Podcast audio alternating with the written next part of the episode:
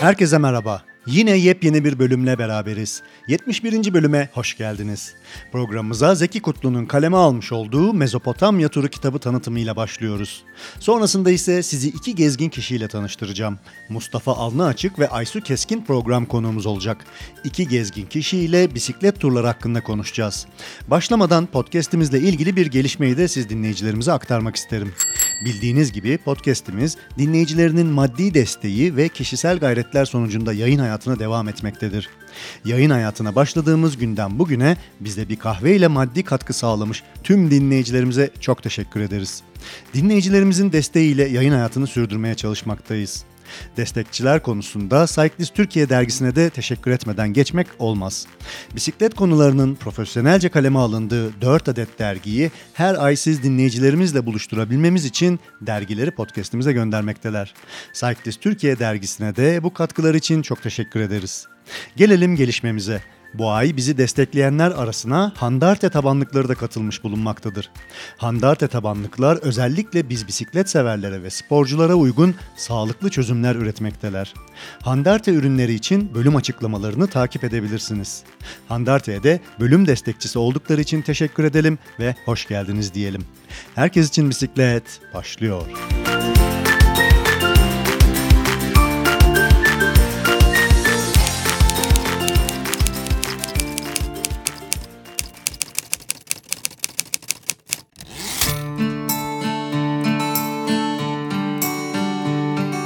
Herkes için bisiklet, kitap.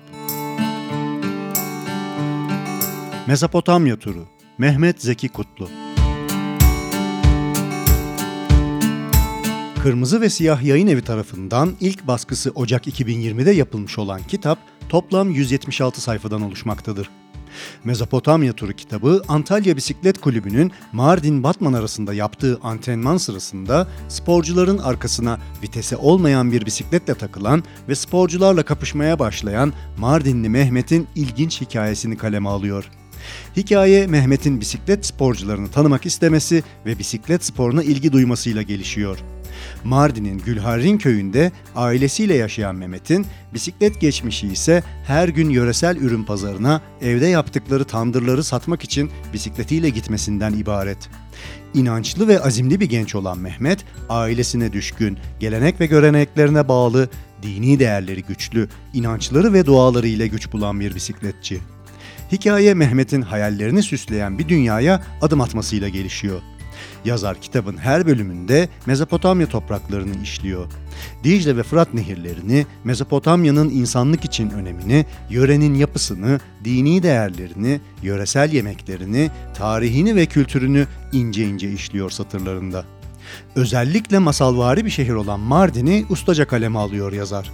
Gece gerdanlık, gündüz seyranlık olarak bilinen Mardin'in spor geçmişine de yer veriyor kitabında. Hikaye Mehmet'in dünyası ve bölgenin özellikleri çevresinde işlenirken yazar bir yandan da bisiklet sporunun branşları hakkında güzel ve faydalı bilgiler aktarıyor.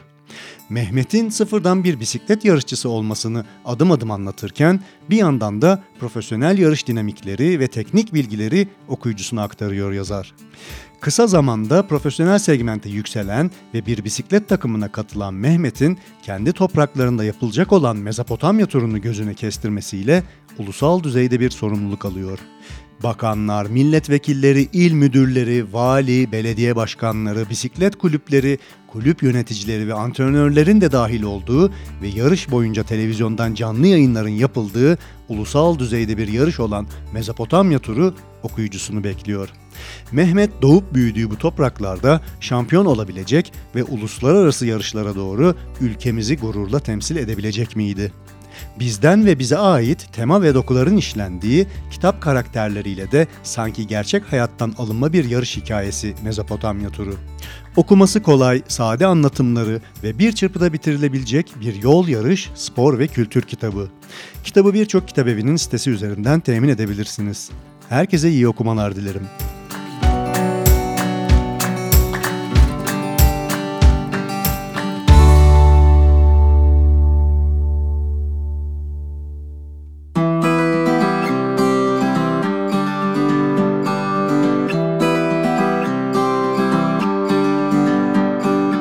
Sevgili dinleyiciler bu programımızda Mustafa Anlı Açık ve Aysu Keskin'le beraberiz.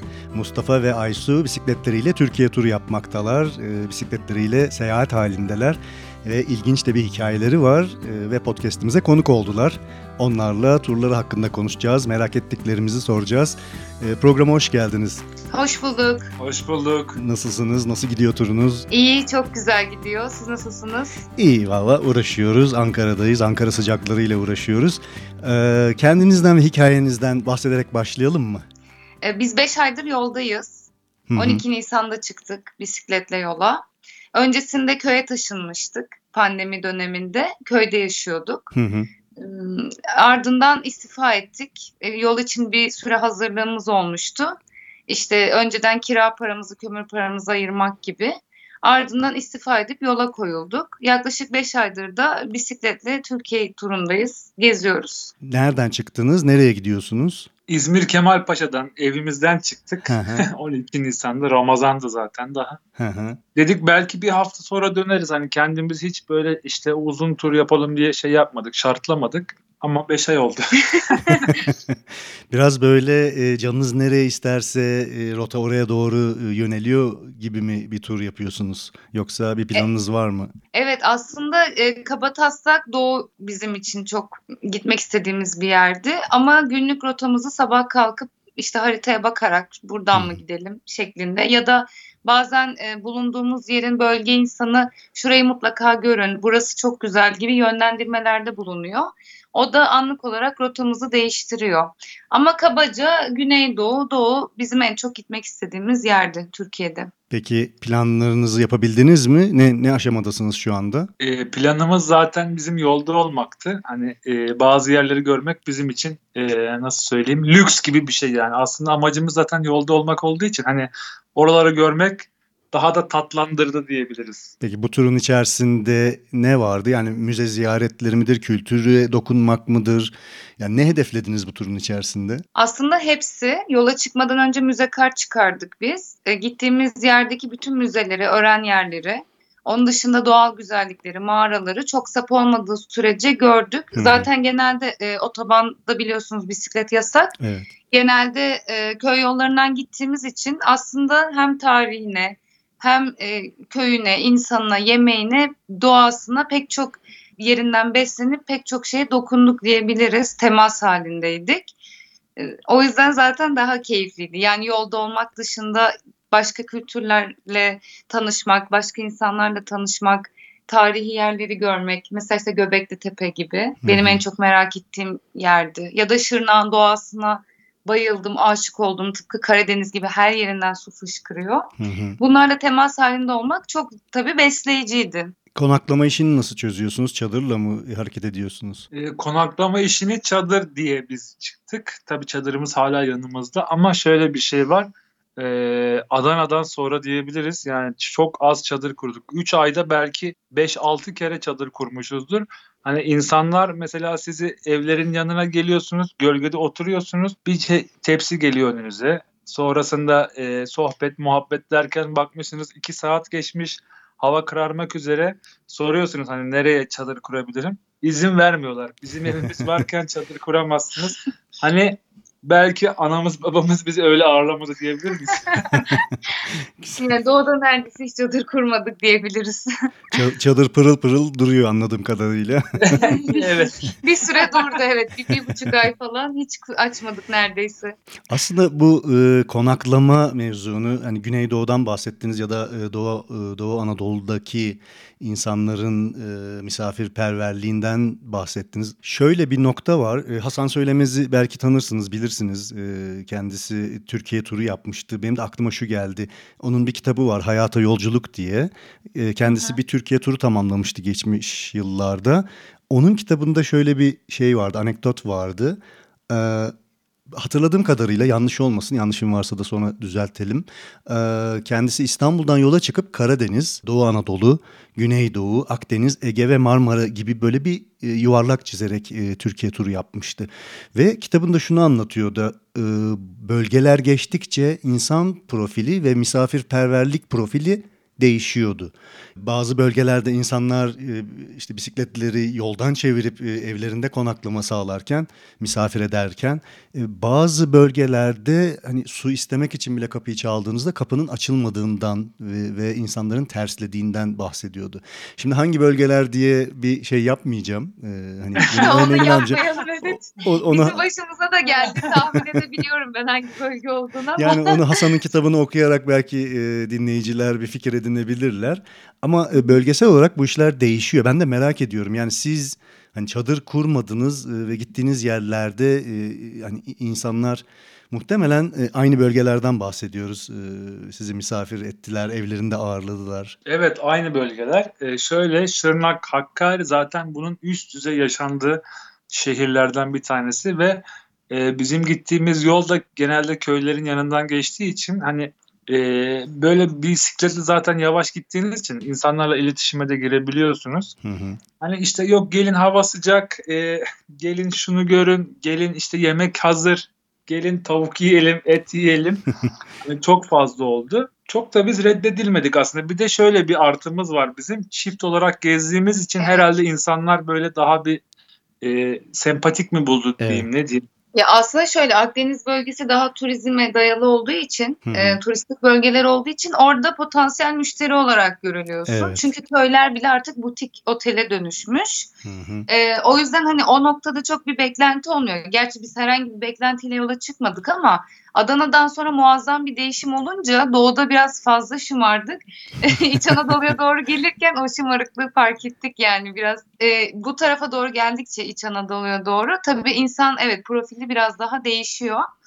E, kimse kötü davranmadı ama e, doğudaki misafirperverlik kadar da şey değildi açıkçası. İçten ve candan değildi. Biraz daha mesafeli Feli, bir evet. şey var İç Anadolu'da. Yani önce biraz bir ölçüp tartıyor. Ondan sonra daha böyle nasıl diyeyim batı batıdaki gibi. Orada da ilk karşılaşma önemliymiş ya. Daha böyle Evet. ölçüp tartarak yaklaşıyor. Bu, bu noktada e, şöyle bir ilginç bir şey var. E, ben şimdi çok fazla bu yurt dışından gelen bisiklet severleri e, evimizde misafir ediyoruz. İşte Warm Showers'ı biliyorsunuz, duymuşsunuzdur, dinleyiciler de e, biliyordur. Oradan ulaşıp da işte e, özellikle Ankara'da bu elçiliklerin e, bulunduğu yerde işte vize uzatmak için e, buraya gelip konaklıyorlar. Onlara aynı soruyu yöneltiyorum. Yani işte e, Türkiye'de geldiğiniz zaman bu misafirperverlik e, ne durumda diye. Ve e, hani onlar gerçi hani bütün bölgeleri dolaşmadıkları için böyle bir genelleme yapamazlar. Yani Hasan'ın Hasan Söylemez'in kitabındaki gibi e, bir şey çıkarmak zor. Ama genelde yabancıyı konuk etmek, misafir etmek, e, evlerinde misafir etmek için e, Can atıyorlar. Ha, aynen can can atıyorlar. Yani e, fakat şimdi tabii ben başka ilginç bir noktaya geliyorum. Bir sosyal medya e, hesabında bir anket yapmıştım geçmiş zamanda. Tam aslında bu noktada bunu da e, vermeye çalışayım. Bisiklet severlere sormuştum. Şöyle e, yerli veya yabancı tanımadığınız bir bisiklet severi evinizde konuk ettiniz mi diye bir soruydu. bu. Buna 161 kişi cevap vermiş. %25'i ettim, %75'i etmedim şeklinde bir cevap vermiş. İkinci anket onun üzerine yerli veya yabancı tanımadığınız bir tur bisikletçisini evinizde konuk eder misiniz diye. E, cevaplar ederim, kararsızım, etmem şeklinde. E, buna da 197 kişi cevap vermiş. Ederim %54. Yani e, tabii bunun altında başka bir bir e, kullanıcının bir yorumu vardı. O çok garibime gitmişti ama sonradan anlaştık kendisiyle. İşte yerli yerli ise etmem gibi bir şeye gelmişti. Neden dedim yani bizi niye sevmiyorsun? Hani niye bizi evine almıyorsun falan. O da şöyle bir açıklama yaptı. Yani yabancıyla çok daha fazla paylaşım olacağını düşündüğüm için bunu e, söyledim dedi filan anlaştık aramızda sonra yani hani e, böyle bir çok e, bir şey gibi algıladım ben bir set çekilmiş gibi algılamıştım ama meğer öyle değilmiş hani yabancıyla daha başka e, paylaşımlar e, işte dil olsun kültür olsun kültürel paylaşımlar olsun o şekilde tercih ettiğini söyledi. Çok dertli. Yani şundan bahsetmek istiyorum. Ee, bir tur bisikletçisini evinizde konuk eder, ederim diyenler yüzde 54. Yani anket anket durumları bu. Yani e, bizim hani bisikletçileri evimizde misafir e, etme isteğimiz aslında çok değil. Yani yabancı geldiği zaman çok daha fazla bunları misafir etmek istiyoruz ama yerli tur bisikletçisi yani size karşı mesela nasıldı e, yaklaşımlar? Ee, aslında çok fazla bisikletli mesaj attı bize. Toplulukta, bireysel kullanan insanlar da ve pek çok şehirde bizi ağırladılar. Dernek binalarında olsun, işte e, evlerinde olsun. Genel olarak yardımcı olmayan ya da yardımcı olmayan demeyeyim hani negatif bir şey çıkmasın, ilgilenemeyen diyeyim. Hı hı. Tek tük birkaç topluluk olmuştur. Şöyle mesela e, yardımcı olduğunu düşünen de çok var ama hiç yardımcı olmayan. Onlar biraz, onlar Öyle biraz bir o, öyle bisiklet grupları da var. O da şundan bence kaynaklanıyor. Çünkü bisiklet gruplarının genelde e, baş başkan mı deniyor, ne deniyorsa artık Hı hı. genelde bir kişi ilgileniyor sosyal medya ile atıyorum.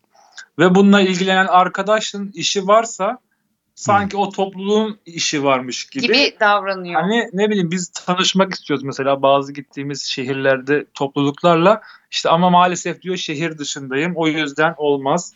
Hı. Ama sen şehir dışında olabilirsin. Bu sizin grubunuzda 150-200 kişi yok mu? Var. E Yani öyle bir iki topluluk oldu evet. Hı hı. Yani başka diğer kişileri de kendisi kişiler de kendisine bağlıymış gibi. Bize o garip gelmişti ama o bir iki topluluk dışında genel olarak bisikletçiler çok destek oldular. Çok fazla ağırlayan oldu. Ya da bisiklet olmasa bile dağcı olup işte mesaj atan, ağırlayan, yol gösteren, ne bileyim bizi gezdiren oldu yani. Hı. Bunları duymak güzel çünkü e, yabancı bir bisiklet e, turcusu kadar yerli bir bisiklet turcusu da çok değerli ve e, el üstünde tutulması gereken insanlar diye düşünüyorum ben. Yani evet. burada bir ay- ayrım Evet ayrım ama, olmaması lazım. Ya şöyle e, yani izlenimin bu çift olmanın biraz artısı olduğunu düşünüyorum ben. Tabii ki tek tura çıkan arkadaşlarla da konuşmak lazım ama şey e, tek tura çıkan arkadaşlardan biri de benim. Önceden ben tek turlara çıktım. Hı hı. Yani, tabii ki bir ağırlama, bir karşılama var ama genel olarak çift olduğun kadar böyle şey olmuyor. Hmm, güvenilir olmuyor. Sonuçta tek bir erkeksin. Yani evet sen onu daha iyi deneyimledin Evet. aslında. Doğru. Aa. Yani hem tek çıkarak hem eşinle çıkarak. Peki şunu soracağım. Ee, bu hani konaklama, misafir olma e, konularından sonra e, istifa etti, edip e, bu tura çıktık dediniz. Evet. E, bu turun ekonomisini nasıl döndürüyorsunuz? E, şimdi biz çalışırken zaten e, ikimizin hayaliydi bu tura çıkmak. O yüzden işte ekipmanlarımızı böyle almaya çalıştık çalışırken. Hı hı. E, bunun dışında e, takı satıyorduk internet üzerinden. Elimizde kalan takıları da yanımıza aldık. Yola öyle çıkmıştık. Hı hı. Bayağı da bir e, eş dost akraba işte bize destek oldular bu konuda. Hı hı. Takı aldılar. Bir de bizim benzinli ocağımız var. Benzinli daha uygun. Çünkü e, tüp yani gaz bulmak kolay olmuyor. Sürekli o kiti değiştirmek gerekiyor ama benzinli ocakta öyle değil. Bu Hı hı. yo- tura çıkacak arkadaşlara öneririm benzinli ocağı. Hı hı. E, çünkü herhangi bir benzinlikten rahatça ihtiyacını giderebiliyorsun, alabiliyorsun ve 4-5 günde yetiyor bize yemek pişirmek için. Dışarıdan yemediğimizden yani tüpümüz olduğu Evet. için dışarıdan yemiyoruz. Yemeğimizi kendimiz pişiriyoruz. O çok ekonomik oldu. Biz 4 ayda 7500 lira para harcadık. İki kişi. İki Dört- kişi. dört Elbette e, bize yani işte köylerde vesaire yemek verenlerin ya da takı alanların da katkısıyla bu kadar az harcadık. Hı hı. Bu, bu da bir gerçeklik yani. Onlar bize yemek vermeseydi, ikram etmeselerdi, ağırlamasalardı muhtemelen daha fazla olurdu. Ne kadar daha fazla olur? Ama yine de çok uçuk olmazdı Evet, yani. yani en yine- fazla 2000 falan oynardı Maksimum, muhtemelen. evet. Hı hı. E, bu e, kolye satıyoruz dediniz. Hala satışta var mı? E, Dinleyicinin erişebileceği ve destek olabileceği bir e, dükkan, bir link. Evet profilimizde link var. Shopier üzerinden satıyoruz. Hı hı. Yola çıkarken 100 kadar bileklik ve kolyemiz vardı. Şu an 12-13 tane kaldı. Hı hı. yani e, tabii böyle az kalınca seçmek zor oluyor ama destek olmak isterlerse çok mutlu oluruz tabii ki. Tamam. Teşekkür ederiz bu arada size de desteğiniz Tamam tabii için. ki de e, ben zaten e, hem Instagram hem YouTube e, profil linklerinizi e, bu, bu bölümün e, metin alanına, bu tanıtım alanına ekleyeceğim. Hani dinleyiciler oradan da erişebilirler. E, iki gezgin kişi olarak e, geçiyor. Zaten programın adı da bu iki gezgin kişi. E, dolayısıyla oradan dinleyicilerimiz erişebilir e, ve Shopier üzerinden bu e, takıları satın alarak size destek olabilirler. Teşekkür ederiz. Uma- umarım umarım destekte bulunacaklar diyorum. Bulunurlar ya. Çok bu, bu- şu ana kadar hep böyleydi. Biz şimdi dönüş e, güzergahındayız. Hı hı, Çünkü ekipmanımız kışı kaldırabilecek bir şeyde değil, noktada değil. hı hı. Bir yandan da işte e, takılarımız azaldı dedik, bahsettik az önce. Yavaş yavaş e, paramız da azaldığı için İzmir'e doğru dönüyoruz. Bu takıları siz mi yapıyorsunuz? Biz yaptık evet. El el Toptan yapımı. alıp Hı hı, el emeği yapmıştım ben. Doğal taş bu arada, bijuteri değil. hı hı. O yüzden şey biraz e, şey fiyatlı da oluyor haliyle. Hı hı. Ama güzel taşlar. Peki e, bu tura çıkmadan önce bir sponsor arayışına girdiniz mi? Girmedik.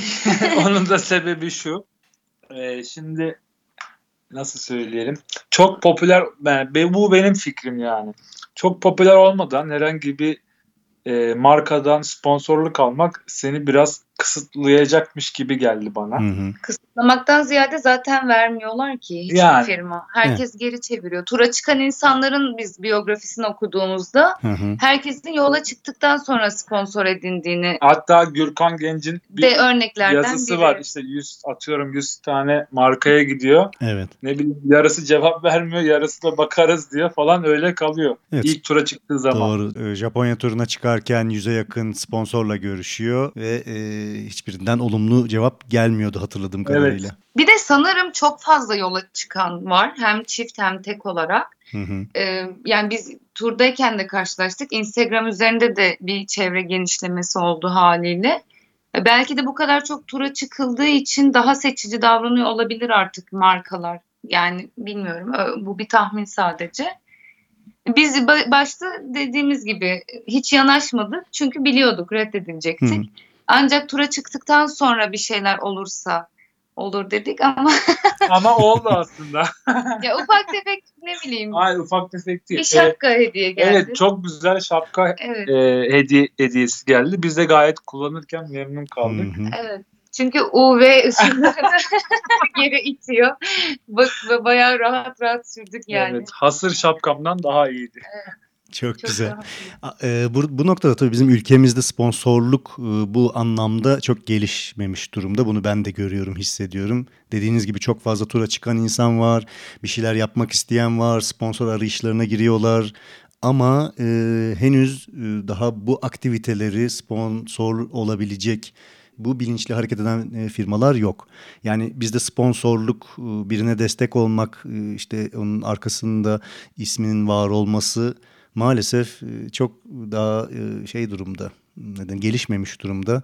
Çok daha Evet. fazla olması lazım. Yani firmaların bu şekilde bireylere, gruplara, bu tür aktivitelere e, destek olması gerekiyor ki yeni yeni arkadaşlar yollara döküldükleri zaman işte Evet. e, ne bileyim hani e, ekonomik olarak çok zorlanmadan devam edebilmeliler. Evet. Ya aslında e, ka- e, sponsor olacak firmalar için de bu güzel bir reklam aslında ama neden Hı. o taraf gözükmüyor? İşte belli bir takipçiye ulaşman lazım ki ondan sonra dikkat çekmeye başlıyorsun. O takipçiye ulaşmak için de yolda olman lazım sürekli. Hı hı.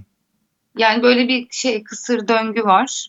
Bilmiyoruz. Umarım olur bir gün ne diyelim. Evet zamanla. Bizim hayallerimiz var. Fas, İran, Oo, Kafkas. çok iyi. Yani Yurt- Asya önce. Asya çok hayalimiz var. Çok güzel. O zaman önümüzdeki dönemlerde buna hazırlık ve e, bu turları gerçekleştirmek üzere. Tabii tabii biz yaparız zaten. Çünkü biz kafaya koyduk mu bisiklet konusunda. Kim- biz kim- evlenirken de bisikletlerimizi süsledik. Asla araba konmoyu, işte gürültü kirliliği kesinlikle reddettiğimiz şeyler. hı hı. Bisikletlerimizi süsledik. Biz düğün salonuna bisikletle girdik yani. Aynı bisikletle 4000 kilometreden fazla da yol yaptık. Ve bu bisikletleri biz 6 senedir kullanıyoruz ikimiz de. Hı hı. Ee, bakımını yapıp yola çıkıyorsun. Yani mesela çantalarımız çok kaliteli değil. İkinci el sitelerden aldık. Şey gibi aslında tiyatro için derler ya iki kalas bir heves. Aslında Hı hı. bizimki de o. Yani iki teker bir heves diyeyim ben size. Ee, çok iyi bir şeyimiz yok. İyi diyebileceğim bir tek Nurgaz benzinli ocağımız Evet. bence. O yüzden biz bu hevesle ve 3-5 kuruşla çıktıysak bence İran'ı da Bence de. Türkmenistan'ı da. Azerbaycan'ı da yaparız yani. buradan buradan firmalara, dinleyicilere e, bir e, açık çağrı yapalım. Yani sonuçta bakın Mustafa ile Aysu e, İran diyorlar, e, yurt dışı turu diyorlar. Desteğe ihtiyaçları var. Hepimizin var aslında yani e, sonuçta sizin var, e, diğer turcuların var. E, sonuçta e, bir emek e, sarf ediyoruz ve e, birilerinin de desteklemesi gerekiyor. Yani ben şeye çok şaşırıyorum. Bütün turcular ya da benzer durumda olan insanlar için gerçekten günde mesela 10 bin lira, 20 bin lira harcayan insanlar var. Ve biz mesela hesap yaptık İran için, o, o bölge için daha doğrusu. Biz 20 binle gerçekten kışı geçirebileceğimizi fark ettik. Evet. Bazen işte şaşırtıcı oluyor. Yani kimileri için 1 lira gibi bir şey bu para. Kimileri yani hayalini İşte evet. çok garip bir denklem ya. Hayat çok enteresan. Ama yoldayken şunu fark ettik ki e, hayatın ne getireceği hiç belli olmuyor. Evet bir de şimdi biz dönüş yolundayız dedik ama e, şimdi e, Hı programın başında şey demiştik işte kış için biraz kira parası, kömür parası ayırmıştık. Şimdi kömür parası 2-3 katına çıktığı için e, ben Aysu'ya şöyle diyorum yani. Aysu'cum gel pasaport çıkartalım. Sıcak ülkelere gidelim. E, kömür bizim e, oturduğumuz yer çok soğuk. Hı hı. Kışın hani etrafta 3 tane dağ olduğu için hani 3-4 ay soğuk. İzmir'de oturuyoruz ama soğuk tarafında oturuyoruz. Köyde olduğu için. Hani orada çalışıp kömüre para vereceğimiz parayla daha azıyla kışı geçirebiliriz. Yine gezebiliriz. İşte e, Belki dönüşümüz tekrar başlangıç olabilir. olabilir. İşte bir hesap kitap içindeyiz şu anda. Evet. Kedilerimizin maması ve kirayı da sağlayabilirsek tekrar işte İran'a doğru gitmek istiyoruz. Belki o zaman birilerinin dikkatini de çeker bilmiyorum ki. Ama tabii kimseye güvenerek ya da şey yaparak biraz işin latifesi de var da kendimize güveniyoruz şu an sadece. Dedim ya iki teker bir heves bizimki de. evet, evet, evet. Yani dediğiniz gibi aslında çok büyük ekonomik uçurumlar var e, insanlar arasında toplumumuzda. Diğer toplumlarda da öyle, dünyada böyle maalesef. Yani bir gün bir gün içerisinde on binlerce lira harcayabilen insan varken işte e, bisiklet turcuları ve bu işe gönül vermiş insanlar kıt kanaat e, bu turları yapmak zorunda kalıyorlar. Ben hiç zengin turcu görmedim. Yani bugüne kadar bu- bugüne kadar işte gel- gelen yurt dışından gelen insanlar da olsa yani onların parası bizde değerli falan filan e, hani ekonomik konulara girmeyeceğim ama değil yani onların parası bizde değerli diye bu adam para saçmıyor. Bu adam e, işte geldiği evde sıcak yemek yemek istiyor. E, nasıl daha az harcarım derdinde. İşte bir, mesela beraber bir bisiklet dükkanına gidiyoruz ihtiyaçlarını giderecek. E, kıt kanaat sonuçta o da biriktirdiği parasını ya da ne bileyim e, hani sponsoru ya da bir yerden bir geliri varsa onu böyle ucun ucuna harcamak zorunda kalıyor. Hiç görmedim yani böyle oraya buraya para saçan turcu. O yüzden bu işin doğası Evet ama böyle. gerçekten öyle. Bir de ilginç bir şekilde biz yolda da çok karşılaştık Avrupa'dan gelenlerle. Hı hı, İlginç bir şekilde bisikletleri çok eski oluyor evet. ve çok şey yani Türkiye'de 500 lira verip alacağın bisikletler Fakat buna karşın ekipmanları çok güzel. genelde iyi oluyor Evet. ve dediğiniz gibi yani hiç öyle para saçan normal her gün konserve yiyen işte ocağında yemeğini pişiren bizim gibi insanlar aslında. Peki Mustafa Aysu e, başınızdan geçen ilginç ya da komik bir e, olayı dinleyicilerimizle paylaşmak ister misiniz? E, şehir merkezlerinde kamp yeri bulmak çok zor oluyor. Hı hı. e, epey bir dolaşmak zorunda kalıyoruz. E, Sivas'ta en son şey millet bahçesi var. Orayı bulduk. Hı hı. Güvenlikle de konuştuk işte kalabilir miyiz vesaire. E, neyse konu halloldu. O sırada Ben dedim ki bu çimler dedim sulanıyor mu? Çünkü her Hmm. yer çim yani belli bir yerden sulanıyor. Ee, güvenlik görevlisi arkadaşımız yok dedi. Hı. O zaman içime su serpildi. Hani gerçekten rahat rahat kalabiliriz. Çünkü oraya akşam varmıştık. Hı hı. Çok böyle detaylı bakamadık. karanlık olduğu için şimdi yok deyince de ister istemez hiç bakmıyorsun. Ne derler o sulama şeyine? Fışkı yeri. Fışkı Evet, yeri. evet. Hiç bakmıyorsun ya. Zaten serde yorgunluk da var. Hı hı. E, Çadırımızı işte kurduk. Bisikletleri çadırın arkasıyla duvar arasına bağladık. İşte ipler mipler bir sürü şey geçirdik şehir merkezinde olduğumuz için. E, o şekilde çadıra girdik. Gece saat üç buçuk gibi fışkıya sesine uyandık. Direkt iki taraftan çadırın solundan ve sağından su geliyordu. Çadırımız su geçirmiyor ama e, şey suyun Gittiği yön bisikletlere de gidiyordu bu arada. Az önce de söylemiştim ya çantalarımız falan çok mükemmel çantalar değil. Bisikletler ıslanıyor ve kalkıp müdahale edemiyoruz çünkü çıktığımız an sırılsıklam olacağız. Güzel. Ee, neyse saate baktım işte herhalde 5-6 dakikadır diye düşünüyorum. Gerçekten 6 dakika sürdü. Fışkeler kapandı. Tam yatacağız bir ses geldi. Tam çadırı fışkenin üstüne kurmuşuz. Güzel. Sağ taraftakiler bitti, sol taraftakiler başladı bu sefer. Ve çadırın altındaki fışkeden su gelmeye başladı. Gecenin üç buçuğunda fışkenin üstüne bastırdık su gelmesin diye. Çünkü kalkmamızın mümkünatı yok. 6 dakika bekledik bitsin diye. O bu çok komikti ya. Tra- Fıkra, belki gibi, de trajikomikti. fıkra gibiydi yani. Gecenin üç buçuğunda fışkeye bastırmak. Be- bek- bekçiye selam olsun diyoruz buradan. evet. Onun da şeymiş. Ya şimdi kimsenin kalbini de kırmayalım. Bazen orada görevli olmadığı halde nöbet yazabiliyorlarmış.